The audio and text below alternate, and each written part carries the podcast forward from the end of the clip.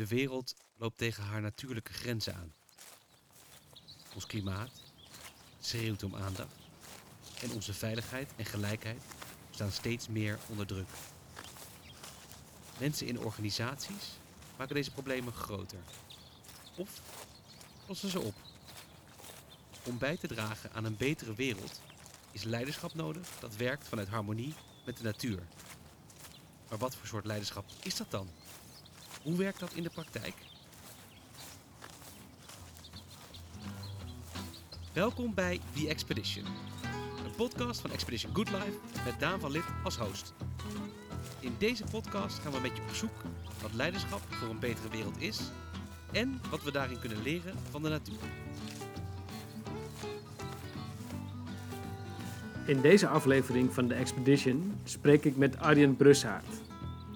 Neurowetenschapper, vice-decaan valorisatie van onderzoek bij het Amsterdam UNC, maar vooral een man die de neurowetenschap en de zakelijke wereld dichter bij elkaar heeft gebracht. En misschien zo wel een bijdrage heeft geleverd aan een betere wereld. Of dat gelukt is en hoe je dat dan doet, dat hoor je allemaal in deze aflevering. Arjen, leuk om je in deze aflevering van die Expedition te hebben. Nou, bedankt voor de uitnodiging. Zoals altijd beginnen we bij onze gast met de allereerste vraag: wat is eigenlijk jouw betekenisvolle plek in de natuur? Uh, ja, dus dat betekenisvolle plek in de natuur is voor mij eigenlijk toch wel een beetje het platteland. Ik ben een stadskind. Um, dus voor mij is, de, is het platteland al gauw natuur. Uh, ik ben uh, Amsterdam-West opgegroeid in een heel lelijk appartementencomplex. Um, was een revolutiebouw. De natuur was daar niet dichtbij. Er waren wel allerlei rondwegen en zo in aanbouw. Maar ik ging wel ieder tweede weekend um, gingen wij naar het Groene Hart, want mijn ouders kwamen daar vandaan. Oké. Okay. Dus ik heb een grote binding met het Groene Hart. En uh, uh, ik denk dat mijn moeder ook heimwee had. Mm -hmm. Naar het Groene Hart, dat ze die, die transitie van het, van het dorp waar men toch wel heel erg hervormd was, bijna op het gereformeerde af. Um, had ze die transitie naar de stad gemaakt. En ik denk, maar ik denk, denk toch dat ze niet zozeer dat miste, maar wel gewoon het geborgene van een dorp. En de nabijheid van de natuur. Dus ik ben, ik ben uiteindelijk toch ook wel een beetje een plattelandsjongetje geworden. Uh, ik heb daar geschaatst op sloten en, uh, en uh, ja, we hebben van alles daar gedaan. Gezwommen, gevaren, kiewieteieren gezocht, bij wijze van spreken. Mm -hmm. Ik bedoel, dat is, ja, dat is wel een, mijn lagere schoolperiode was wat dat betreft wel... Um, en dat was een dorp, dat heette Groot Ammers, dat ligt onder Schoonhoven. Mm -hmm. Ja, daar had de tijd, zeker in het, in het huis van mijn grootouders, had de tijd stilgestaan. Dus de, daar, de, ik, ik, ik associeer het daar ook mee. Ja. Een, beetje, een beetje de landelijke omgeving. Maar ja, niet ver van de natuur. Hè. Laten we zeggen, ik ben ook wel in verre werelddelen geweest. En dat is geweldig, maar je kunt de natuur heel dichtbij vinden. En doe je dat nog steeds? Want als kleine jongen was je aan het schaatsen en eieren aan het zoeken. Maar ja, doe je dit nog ja, steeds? Dus ik, merkte, ik, merkte, ik merkte rond mijn 30ste, 35ste. Ik had een, een, een, periode met mijn vrouw in New York gewoond. Waar de natuur ook eigenlijk best wel ver weg was. Mm -hmm. Behalve in de stadsparken. En wij kwamen terug in Amsterdam en we, ja, we, gingen, we begonnen echt aan een gezinnetje. En, um, en mijn, mijn, mijn geliefde zei tegen mij van ja, het, het, zou toch wel fijn zijn als onze jongens een keertje zonder toezicht een boomhut konden bouwen. En daar ook uit konden vallen. Uh, niet per se om een arm te breken, maar, maar meer omdat ze ja, moeten kunnen spelen in de natuur. Dus wij zijn toen al vrij snel op zoek gegaan naar een buitenhuis. En dat hebben we eerst in Drenthe gevonden, in het Drents-Friese Wold. Geweldige omgeving. -hmm. heb ik ook heel veel paard gereden met mijn, uh, met mijn jongens, die inmiddels heel groot zijn. Maar toen was het uh, die lagere schoolperiode van, van hun, denk ik, is daarmee geassocieerd. En, en voor mij daarmee ook, ik, je, ik keek als het ware door hun ogen naar wat zij beleefden. En dat was, uh, ja, dat was voor mij natuurlijk als je, als, je kind, als je kinderen gelukkig zijn, ben jij dat in belangrijke mate ook. Hmm. En tegenwoordig heb ik een buitenhuis in Overijssel. ehm, in, uh, tussen Om en Hardenberg, uh, langs, uh, in de buurt van de Vecht, de Overijsselse Vecht. En ja, daar wandelen we veel met de hond en daar wielren ik veel. En ja, daar geniet ik, daar kom ik tot rust. Ja, wauw. Elke fase van je leven dus een andere plek in de natuur om ja, dus ik heb, ik die heb betekenis heeft. nodig. Ja, ik heb de natuur nodig. Dus ik, ik, ik raak mijn, uh, mijn, ja, mijn uh, mijn vaatje raakt vol op enig moment. Mm En dan moet het, uh, het, moet, het moet leeg worden. En dat, dat kan eigenlijk alleen maar in, de, in een prikkelarme omgeving. Hey, en dat vaatje, hoe dat vol raakt, er zijn natuurlijk ook mensen die deze podcast luisteren die je nog niet zo goed kennen. Dus daar moeten we het ook even over hebben. Ja. Uh, je bent je carrière gestart als breinwetenschapper en je bent nu vice-decaan, en ik hoop dat ik het goed uitspreek, als Valorization of Research. Kun je ja. iets vertellen over, uh, over je carrièrepad en wat is eigenlijk Valorization of Research? Ja, nou, valorisatie van wetenschap noemen we het gewoon. Valorisatie van onderzoek is eigenlijk, ja, hoe, hoe kun je nou um, wetenschappelijke innovatie naar de, naar, naar de gebruiker brengen? Mm-hmm. En de gebruikers, dat zijn wij. Wij zijn de belastingbetaler, uh, de bevolking, de burger. Hoe, hoe, hoe kun je nieuwe inzichten die we in, in, de, in het universitair domein uh, steeds krijgen. We krijgen kennisverdieping over allerlei, op allerlei vlakken. En mijn, mijn specialisme is dus hersenonderzoek. Um, en um, nou ja, wij, wij, weten daar heel veel van. Het is overigens wel het laatste orgaan in het menselijk lichaam wat we nog niet helemaal goed snappen. Hmm. Ik denk dat, maar het is wel deze eeuw. Dit gaat wel lukken deze eeuw. Ik bedoel, okay. dat was vorig, vorige eeuw waren we niet zo ver. We hebben begin van, uh, van de 21ste eeuw natuurlijk het genoom opgelost. Maar we, de hersenen hebben we nog niet opgelost. Oké. Okay. En wat, wat hebben we daar niet opgelost? Dus hele simpele dingen hebben we niet opgelost. Dus bijvoorbeeld uh, het cliché dat we op enig moment, ieder moment in de tijd, ongeveer maar 10 of 20 procent van onze hersenactiviteit uh, zouden gebruiken of onze capaciteit. Dat, nou ja, daar is eigenlijk niet een, een eenduidig antwoord op te geven. Hmm. Of, of dat we vrije wil zouden hebben, of wat nou wezenlijk de biologische basis van ons bewustzijn is. Of dat of dat één plek in de hersenen is, of juist een netwerkactiviteit, of misschien toch wel iets, iets op een dimensie wat we niet kunnen snappen nu. In ieder geval, ik kijk er toch een beetje ook als een bioloog naar. Ik ben bioloog van huis uit, medisch bioloog. Kijk, er, is, er zijn een paar genveranderingen uh, plaatsgevonden in de, in de evolutie, waardoor wij een enorme cortex ontwikkeld hebben. Mm-hmm. En die cortex die is net zo groot als een, uh, als een flinke uh, extra large pizza die in een soort, uh, ja, in het, in het volume van een kleine voetbal is gepropt. En dat is, dat zijn onze, dat is onze cortex. Ja. Althans, dat is wat je ziet als je de schedel zou lichten, dan zie je de cortex. En de cortex is alles wat je nodig hebt om, om te zien, te ruiken, te voelen, te praten. Um, je bewust te zijn van input en, en daar ook misschien een passende respons op genereren. En, en als je dan dieper de hersenen ingaat, dan kom je in, die, in, in de oudere gedeeltes van de hersenen. En ja, daar weten we denk ik meer van. We weten veel van hormoonsystemen.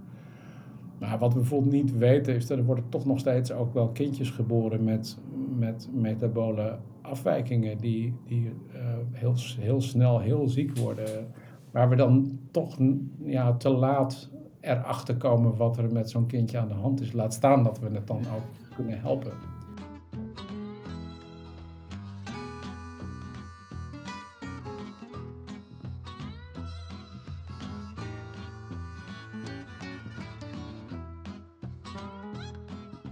Ik ben in 79 naar universiteit gegaan. Uh, wij, wij, konden toen cellen wel onder de microscoop zien, uh, zenuwcellen, uh, maar niet op een manier zoals we dat twintig jaar later konden, toen we ja, dus afleidingen konden maken van individuele zenuwcellen. Ik ben naar New York geweest een periode om, om embryonale zenuwcellen te kweken in een bakje, zodat je er beter bij kon en ontwikkeling kon volgen. En nog weer een decennium later konden wij gewoon uit de operatiekamer plakjes menselijke hersenen halen die weg werden gesneden vanwege een epileptisch focus bijvoorbeeld. Mhm. En we konden die plakjes gewoon nog eh, eh, één of anderhalve dag in leven houden en daar experimenten op doen, eh, stofjes op testen. Ja. En ik heb die ontwikkeling meegemaakt en, en ik wilde dat vak, wilde ik, eh, ik, wil, ik wilde er zijn voor dat vak en omstandigheden creëren. En, ehm, ja, ik ben, ik ben eigenlijk door, door omstandigheden een beetje de primus inter pares geworden in, in, eh, voor, voor de neurowetenschappen binnen, binnen het Amsterdamse. Mhm. Dus ja, een lang verhaal kort. Dus ik werd hoofd van een vakgroep en toen ging ik met ja, hoofden van andere vakgroepen praten en kreeg opdrachten van de bestuurders om instituten op te richten. Dat zijn eigenlijk netwerkorganisaties die Ja. als het ware door die verschillende faculteiten verbinden. Dus de, dat, dan gaan de psychologen met de genetici samenwerken en de neurologen gaan met psychiaters samenwerken. Nou, daar heb ik een, ik heb een netwerkinstituut opgericht eh, in 2008. Eh, eerst van VUMC alleen en sinds 2016 is AMC en de UvA zijn daarbij gekomen. En nu hebben we op het gebied van neurowetenschappen eh, een organisatie met duizend medewerkers, heet Amsterdam Neuroscience. Ehm, en ehm, ja, daar ben ik nu nog de voorzitter van eh, het komend jaar en dan zal ik aftreden. Eh, en, de reden daarvoor is niet omdat ik erop uitgekeken ben, maar omdat ik denk dat mijn rol eh, deze rol was om het instituut op te richten en het, Ja. het stevig en volwassen te maken. En ik denk als je nu disruptief zou willen zijn, als je een volgende fase in zou willen, van ja, waar gaat dat dan heen? Ik, ik, denk, ik denk dat daar eh, gewoon een nieuwe generatie eh, eh, bestuurders moet, op moet gaan, gaan, voor gaan, gaan zorgen. Mhm. Ehm, en ja, wat ik, wat ik nu doe, vice-decaan zijn van, van, van het hele Amsterdam UMC voor, voor de, alleen de portefeuillehouder eigenlijk hoe je maatschappelijk impact kan hebben. Mhm. Dat is eigenlijk ontstaan doordat de universiteit zich realiseert dat je, je moet mensen opleiden. Dus opleiden en onderwijs is een, een van de kerntaken van het universitair domein. Ja. Onderzoek doen is onze tweede kerntaak. Het Amsterdam UMC en alle UMC's hebben natuurlijk zorg als kerntaak erbij. Mhm. Maar in het universitaire domein is die derde kerntaak eigenlijk, eh, ja, eigenlijk maatschappelijke innovatie bevorderen. En ook helpen, helpen te sturen daarin en helpen te, dat op het juiste pad te krijgen. Ja. En de COVID-crisis is daar een voorbeeld van natuurlijk. Eh, kijk, in, in deze crisis heeft de wetenschap echt, de wetenschap heeft echt haar spierballen laten zien. Hm. heeft natuurlijk in een no time eh, die crisis eh, in ieder geval begrepen. En, en er ook interventies voor, voor gemaakt. En, eh, en, en het gaat, ja, de, het- virus evolueert nog snel, maar ehm, ja, je moet er toch niet aan denken dat dat, dat, dat 50 of 60 jaar geleden eh, was geweest met zo'n grote populatiedichtheid. Want dat is het probleem natuurlijk. We, zijn, we hebben een, een, een dichtbevolkte aarde, we hebben veel vliegverkeer en, en dus de, de migratiesnelheid van een pandemie is, is door ons eigen toedoen heel erg, Mhm. heel erg hoog. En des te beter dus dat, ja, dat we dan ook proberen wetenschappelijk in ieder geval kaders te scheppen waarin, dat, eh, waarin, waarin de universiteit zijn verantwoordelijkheid neemt. En dan gaat het niet meer om hoe vaak publiceer je en hoe vaak leest iemand anders jouw paper. Het gaat Nee, er gewoon precies. om, ja, kan, je, kan je een goed vaccin ontwikkelen? En hoe, lang, en hoe lang houdt dat dan stand en hoe onderzoek je dat dan? En, en, en, en wat is dan een solide dataset op basis waarvan je de regering van een land kan adviseren? Hoe, hoe werkt? Dan gaat wetenschap natuurlijk echt bloeien. Nou, dat, moeten, dat moeten alle universiteiten, alle kennisinstellingen, alle hogescholen moeten valorisatie als domein omarmen. En dat ook zeg, minder eh, publish or perish, maar meer eigenlijk hoe heb ik impact. Ja. En, en ja, ik vind dat, ik vind dat gewoon ja, in deze fase waarin ik wat meer uitadem en niet meer hoef in te ademen, is dat voor mij denk ik een, een mooie nieuwe opdracht. Ja. Dus dat is wat ik nu doe de komende zes, zeven jaar. En dat is denk ik, eh, ja, ik coach mensen die, die 20 jaar jonger zijn dan ik, die, die in een positie zijn gebracht nu, waar ik 20 jaar geleden zat. En ik, ik probeer landelijk, uh, landelijk uh, ja, matchmaker te zijn.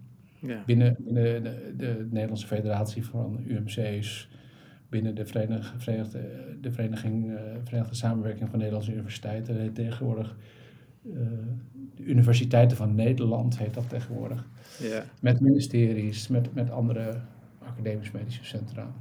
Ja. Dus ik ben een generalist geworden, zo je wilt. Ja. Nou, het is wel handig dat ik, dat ik, dat ik wetenschapper ben, dus ik, ik stink nog een beetje naar, naar buskruid. Deze generaal stinkt nog een beetje naar buskruid. En, en zelfs de dokters hebben eigenlijk wel uh, interesse nu. Uh, weet je wel, dus als je gewoon zou zeggen, ja, ik doe rattenonderzoek, zouden ze denken van nou, dat moet je dan maar in het lab doen, dat is prima. Maar wij gaan nu even echt aan het werk. Ja. Maar dit, dit verhaal is denk ik toch wel anders geworden en ik, ja, ik ben er gewoon ingegroeid. Ja, maar je beschrijft ook dat je in 2008, volgens mij zei je net, hè, dat je daar als een van de eerste, ik weet, ik weet niet of je een van de echte, de allereerste was, maar in ieder geval een flinke poging hebt gedaan om dus maatschappelijke impact te maken met al het moois wat bijvoorbeeld de neurowetenschap uh, te bieden heeft. Kun je eens uitleggen, want ik kan me ook voorstellen, als het heel makkelijk was, was het namelijk daarvoor ook al gebeurd. Dus daar moet moeilijkheid in zitten, toch? Dus hoe krijg je dat voor elkaar? Waar loop je tegenaan? Ja, ja. Ja, dus, dus misschien even een lang verhaal kort. Um, universitair onderzoek gebeurde eigenlijk tot, tot eigenlijk zo'n tien jaar geleden heel erg binnen zuilen, binnen disciplines. Dus een radioloog die keek naar MRI's en een klinisch chemicus die keek naar bloedbeeld en uh, uh, een bioloog die keek naar de ontwikkeling van, van organismen. En, en ze, ze, lazen misschien wel over elkaar als ze het heel erg goed deden in de krant, maar zeggen, maar ze waren niet wezenlijk met elkaar in gesprek. Terwijl, uh, als je kijkt hoe in de private sector uh, ondernemingen inspelen op wat marktkansen zijn, dan uh, gaat het heel vaak uh, over dat, er, dat een, een thema eigenlijk een marktkans biedt voor een private partij.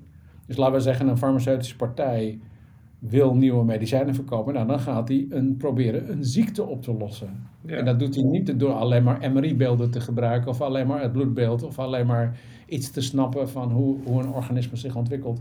Dus wat een, wat een private partij vaak doet en deed, is eigenlijk alle disciplines bij elkaar brengen om problem-oriented aan de slag te gaan.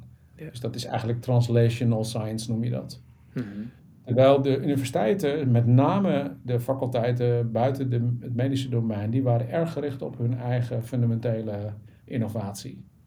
Op Nobelprijswinnaars proberen op te leiden en, en maar allemaal koninkrijkjes te bouwen die van sterke, vaak uh, heren, van, uh, heren die wat ouder waren, die dan een ja. sterk domein hadden.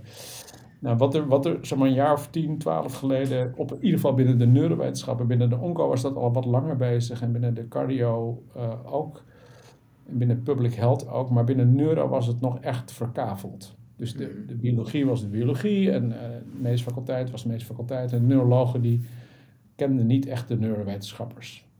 Ze werkten niet aan dezelfde problemen, ze, hadden, ze spraken niet dezelfde taal, ze, hadden zelfs niet, uh, ze deelden zelfs niet een deel van hun opleiding, bij wijze van spreken, terwijl dat wel heel erg voor de hand lag. Mm nou, daar ben ik aan gaan werken en toen had ik dat op eenmaal opgezet en toen wees iemand uh, uit een uh, kennistransfer office, dus zo'n TTO-office die je hebt om je patenten te ontwikkelen en dergelijke op universiteiten, die wees mij erop, die zei van ja, de manier waarop het VUVMC op dat moment zijn onderzoeksinstituut organiseerde, dat is eigenlijk dwars op alle disciplines. En dat is hoe, hoe, in, in, in, in, in ondernemers, hoe ondernemers ook denken als ze een ziekte willen oplossen. En zij, hij zei dus tegen mij: uh, van ja, in feite, wat jullie nu gedaan hebben, is jullie hebben de, eigenlijk de matrix geklapt, 90%, 90 mhm. graden. En door dat te doen, zit je op hetzelfde plane, level of field als een, als een onderneming. Dus je zou een hele goede matchmaker kunnen zijn. Zodat een ondernemer niet, als die een medicijn wil testen, dan is met die, dan is met die en dan is met die moet praten. Maar hij zou eigenlijk via jou als directeur eh, zeg maar, eh, een spelverdeler kunnen vinden, die, Mhm.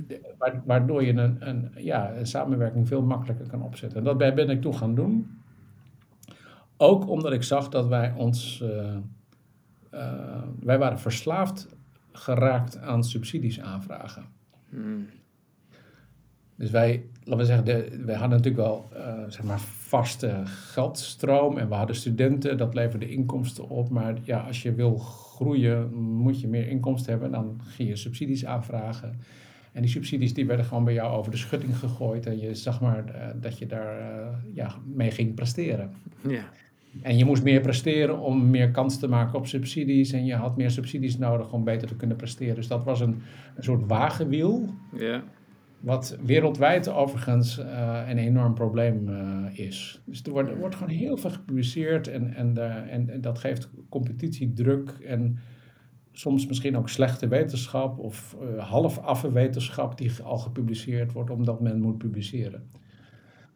En dus ik zag dat gebeuren. Wij, wij hadden op dat moment 500 medewerkers en we publiceerden 800 papers per jaar.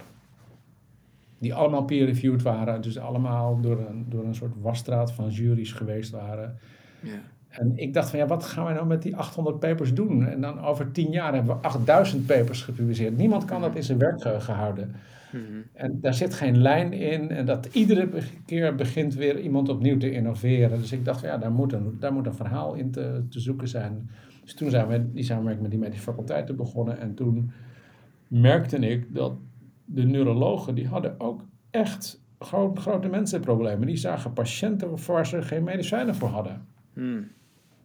Wel, één straat verderop zaten, zaten biologen eh, met een know-how. In principe, die zouden kunnen gaan werken aan het begin van de oplossing waar de neurologen mee zaten.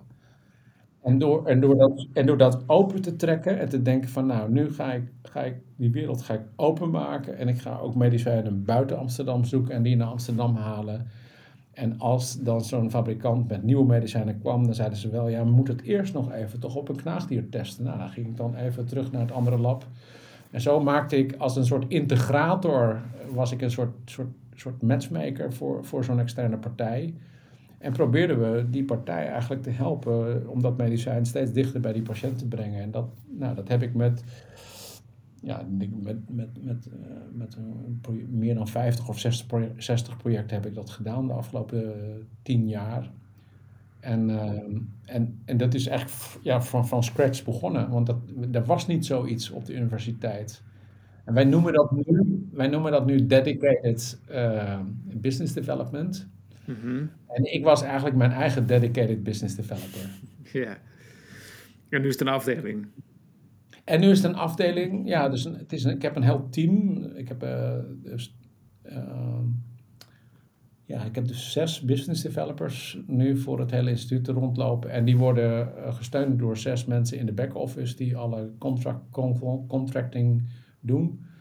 Ehm, ja, we draaien echte omzet, we maken winst. We, we werken eigenlijk als een, als een MKB-bedrijf. En dat is de signatuur van mijn directeurschap geworden uiteindelijk.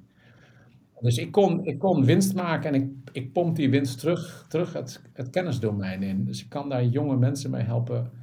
En, eh, en, en dat eh, trucje, zo je wilt, dat, dat is, wordt ook de signatuur, denk ik, van, van, van mijn rol als vice-decaan.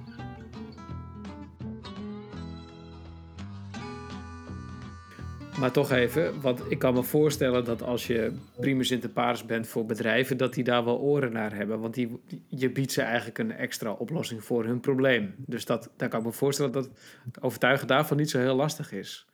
Ja, dus ik ben primus inter pares ten opzichte van mijn collega's en voor mijn partners in het bedrijfsleven Ja, ben ik een handig aanspreekpunt. Ik functioneer als een soort CEO van, van, de, van het kennisdomein. En, en ik, dat is natuurlijk handig voor het bedrijfsleven om met de CEO van de onderneming, want dan, weet je gelijk, tenminste, je, zit dan, je weet dan gelijk Ja. welk antwoord je Maar krijgt. ik kan me wel voorstellen dat als je, dus voor het bedrijf is, dat, is, is het, nou, die overtuigen om met jou of met jullie samen te werken, dat, dat is volgens mij niet zo heel ingewikkeld. Maar je hebt dan intern beschrijf je net, hè, de koninkrijkjes. En ik heb toevallig ook nog wel wat klussen gedaan binnen Ja. universiteiten. Iedereen is natuurlijk super trots op zijn eigen leergang. Eh, het is belangrijk om professor te worden. Het is belangrijk om te publiceren. Je zit in een hele dynamiek die eigenlijk niet Ja. is opgesteld om dit soort dingen wel voor elkaar te krijgen. En nou, als de, de Expedition is een zoektocht naar leiderschap voor een betere wereld. Dus nu komen we op, hoe, hoe doe je dat dan? Ja. Hoe breng je die koninkrijkjes bij elkaar? Eh, hoe zorg je ervoor dat dit dan wel impact heeft? Ja, dus ik denk, dus het, eigenlijk, het is eigenlijk vrij eenvoudig. Eh, Het gaat eigenlijk over, over kameraadschap. Het gaat over team science. Het gaat eigenlijk over, als je dus, als je dus inziet eh, dat, dat wetenschappers ook sociale wezens zijn en dat ze eigenlijk niet kunnen overleven nu.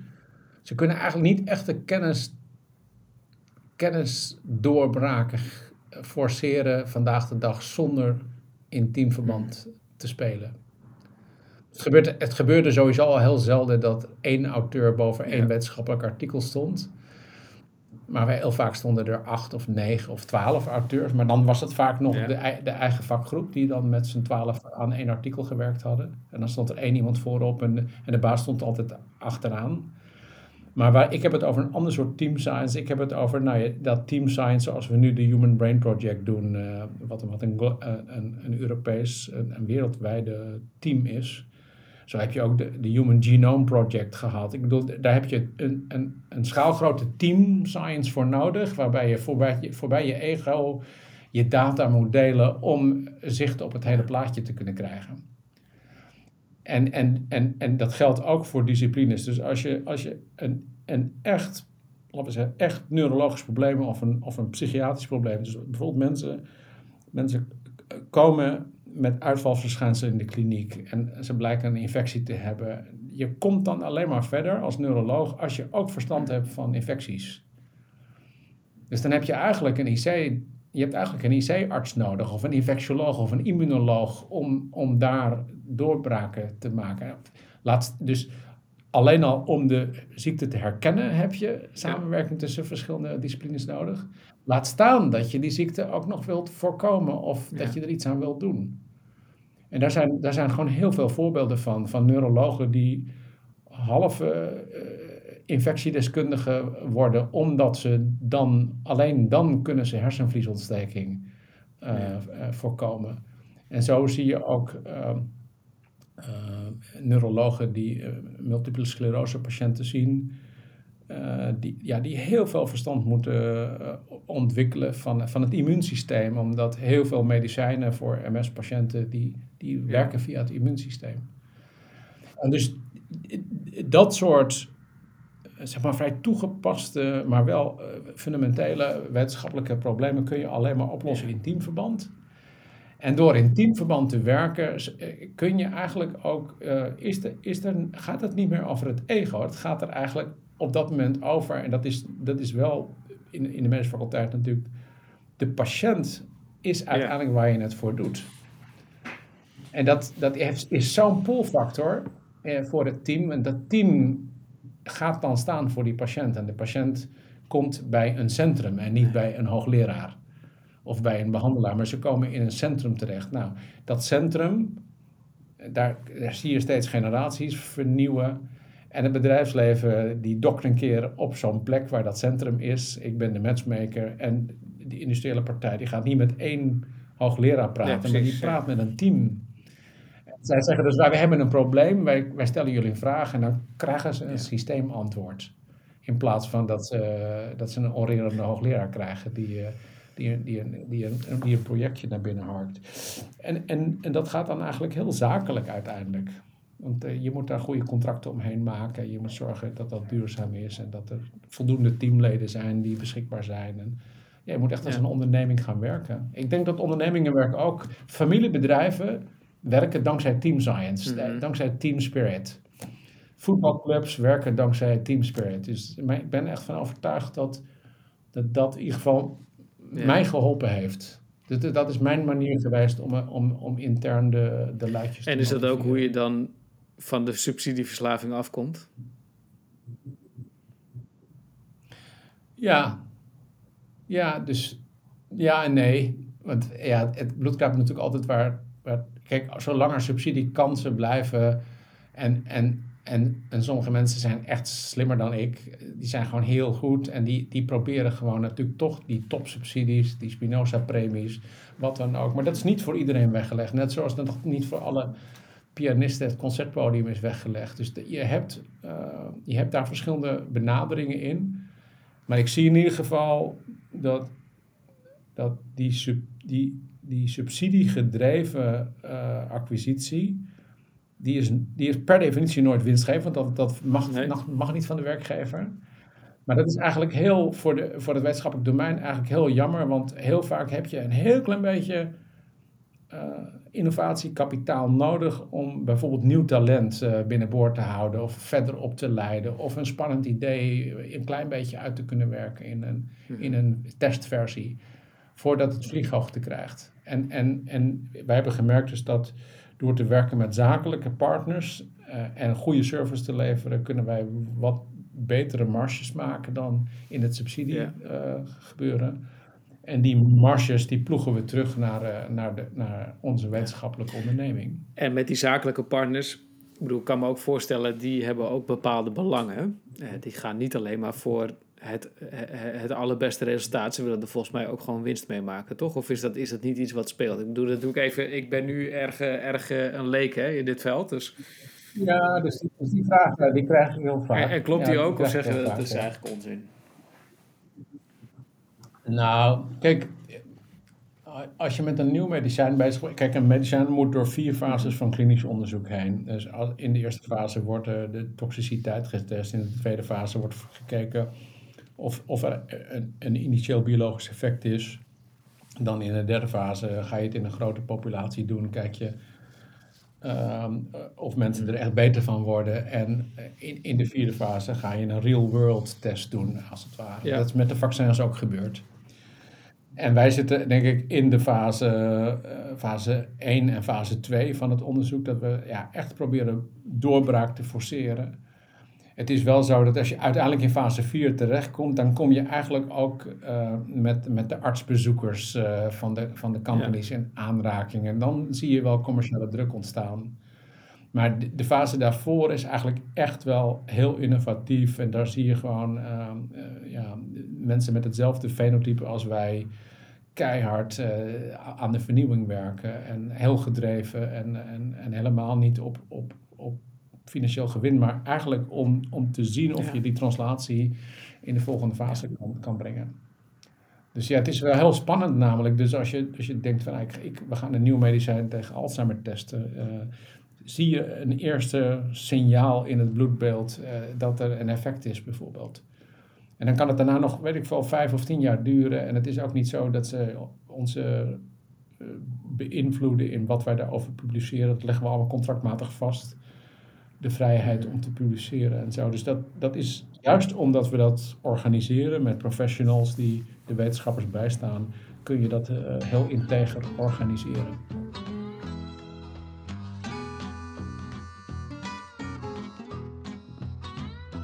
Waar had je nou nog meer uit willen halen? Want je beschrijft nu iets wat. Het is allemaal heel goed gelukt. En uh, het gaat die samenwerking tussen de bedrijfswereld en de academische wereld. Nou, ik zie daar ook, hè, nogmaals als leek, ik word er ook steeds enthousiaster van. Met name door jouw enthousiasme en je voorbeelden.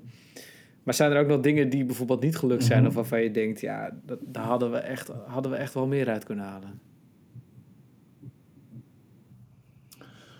Meer of dat hebben we nog niet gedaan, ja. bijvoorbeeld, omdat daar, nou ja, omdat daar toch de belangen te tegenstrijdig zijn. Of... Nou, je moet wel keuzes maken. Uh, dus bijvoorbeeld um, bij, bij ons op het VUMC uh, kun je van gender veranderen. Kun, je kunt uh, een transseksuele -hmm. operatie ondergaan. Nou, dat is een, dat is een, een, een chirurgische expertise die niet op veel plekken beschikbaar is. Beschikbaar is.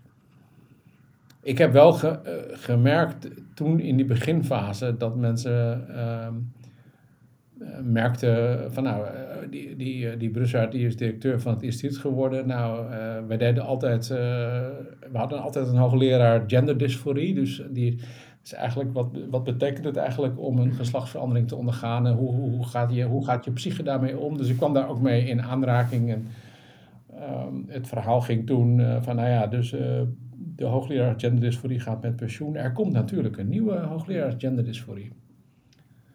Toen heb ik dus gezegd van ja, maar dit, ja, dit is toch wel een vrij geïsoleerd spel. En, en dat is niet op wereldtopniveau. En het, het gaat niet om, weet je wel, we hebben duizenden Alzheimer-patiënten en duizenden MS-patiënten eh, op zo'n moment in de tijd. En we hadden, weet ik veel, 30 transgenders per jaar dan moet je op een gegeven moment moet je keuzes maken. En soms moet je dus ook nee durven zeggen. En, en, en ja, keuzes maken betekent afscheid nemen en dan krijg je boze koppen. En ja, dat is, uh, dat is dan niet gelukt. Terwijl we, ik denk nog steeds, ik denk nog steeds een enorme reputatie hebben op het gebied van die transgender operaties. Maar wetenschappelijk, op het gebied van genderdysforie, zijn we, hebben we niet... Uh, zijn we niet wereld, wereldleidend. Ik geloof niet dat dat, dat wereldwijd een grote onderzoeksfocus nee, is. Terwijl het volgens mij wel maatschappelijk gezien steeds meer een thema wordt, toch? Ja, het is, wel, het is maatschappelijk een thema. En het is, je zou bijna kunnen zeggen, dat, dat woord ken ik toen nog niet. Het zou heel woke zijn om daaraan te werken. Uh, maar ik bedoel, ja, wij werken ook niet aan ALS. Dat doen ze in Utrecht. Ja, daar, je moet daar keuzes in maken. En daar, soms uh, mensen snappen dat niet. Van, ja, of ja, bijvoorbeeld de, de, de, retina is nu heel erg hot. Dus we werken nu wel in toenemende mate met mensen die verstand hebben van maculadegeneratie. Maar je, je, je, je staat dat als als managementteam denk ik alleen maar toe als je merkt dat er een nucleus ontstaat van een begin van een team. Weliswaar met, uh, met twee of drie sterke, uh, knappe koppen, die, die aantrekkingskracht hebben op jong talent. En, en dan merk je, oh, daar gaan, daar gaan nieuwe oogheelkundigen onder zitten en we gaan daar gentherapieën toepassen. En we kunnen nu echt, we hebben nu ook de instrumentarium, kunnen we ook van buiten naar binnen halen om, om iets te doen voor mensen met degeneratie. Kunnen we misschien een nieuwe retina aan ze geven. Nou, dat was 10, 15 jaar geleden ondenkbaar. En dan zeiden ze, ja, maar oogheelkunde is zo hip en dat is een window on the brain. Ik zei, ja, dat is allemaal prima, maar ik zie het, ik zie het geen vlieghoogte krijgen. En ik heb daar misschien ongetwijfeld wel, wel eens inschattingsfouten gemaakt. En dat is ook misschien de reden waarom, waarom het niet goed is om dat voor een derde termijn van zes jaar te doen. Dus ik, ik, moet, ik moest denk ik ook deze beslissing nemen voor mezelf. En uh, dat voelt, het voelt ook correct bij, bij de leeftijdsfase waar ik in zit. Uh, dat ik nog even voor het huis blijf zorgen en, en probeer de raad van bestuur te helpen met de agenda goed te krijgen. Maar wat, wat is je blik op de toekomst? Wat zou, wat zou een oproep zijn aan misschien een jongere Arjen of de, Arjen, de jongere Arjens van deze wereld. Van hey, hoe, hoe kunnen we nou nog meer impact maken? Ja, ja het is een interessante vraag. Ik heb, ik heb heel veel college gegeven. Uh, in, in mijn, uh, in, zeg tussen mijn dertigste en mijn vijftigste heb ik denk ik heel veel college gegeven. Dus ik heb hier vaak met studenten ook over gesproken. En ik heb, ik heb zelf ook een hele generatie AIO's uh, natuurlijk langs zien komen. We hebben op dit moment in ons instituut ehm, meer dan 450 uh, PhD-studenten. Dus 450 hmm. mensen die aan het promoveren zijn. Die zie ik ook ieder jaar. Ik zie ze ook in webinars tussendoor. Ik, ik praat met uh, de generaties net boven hun ook. En ja, ik denk wat voor mij, voor mij als paal boven water staat, is dat, uh, is dat bijna iedereen die ik spreek uh, raakt gepassioneerd zodra hij of zij onderdeel wordt van iets dat groter is dan zichzelf. Hmm. En dus als, als, als een, jonge wetenschapper dat doorheeft, dat hij part is of het team, zullen we maar zeggen, en dat hij onderdeel is van iets wat groter is, dat er een vak is voor hem, en dat hij vakgenoten heeft en dat hij in een maatschappelijk spanningsveld opereert, dat hij daar een bijdrage kan leveren. Ehm, ja, dan, is eigenlijk de, dan is eigenlijk de helft, helft van, je, van je motivatieprobleem is al opgelost volgens mij. En de rest zijn omstandigheden. Dus ehm, zoek, zoek. Ik heb ook wel altijd gezegd: kijk naar je eigen leven alsof het een onderneming is. Dus eh, ga, ga, ga verstandig om met, eh, met, met wat je meekrijgt, zullen we maar zeggen. Mhm.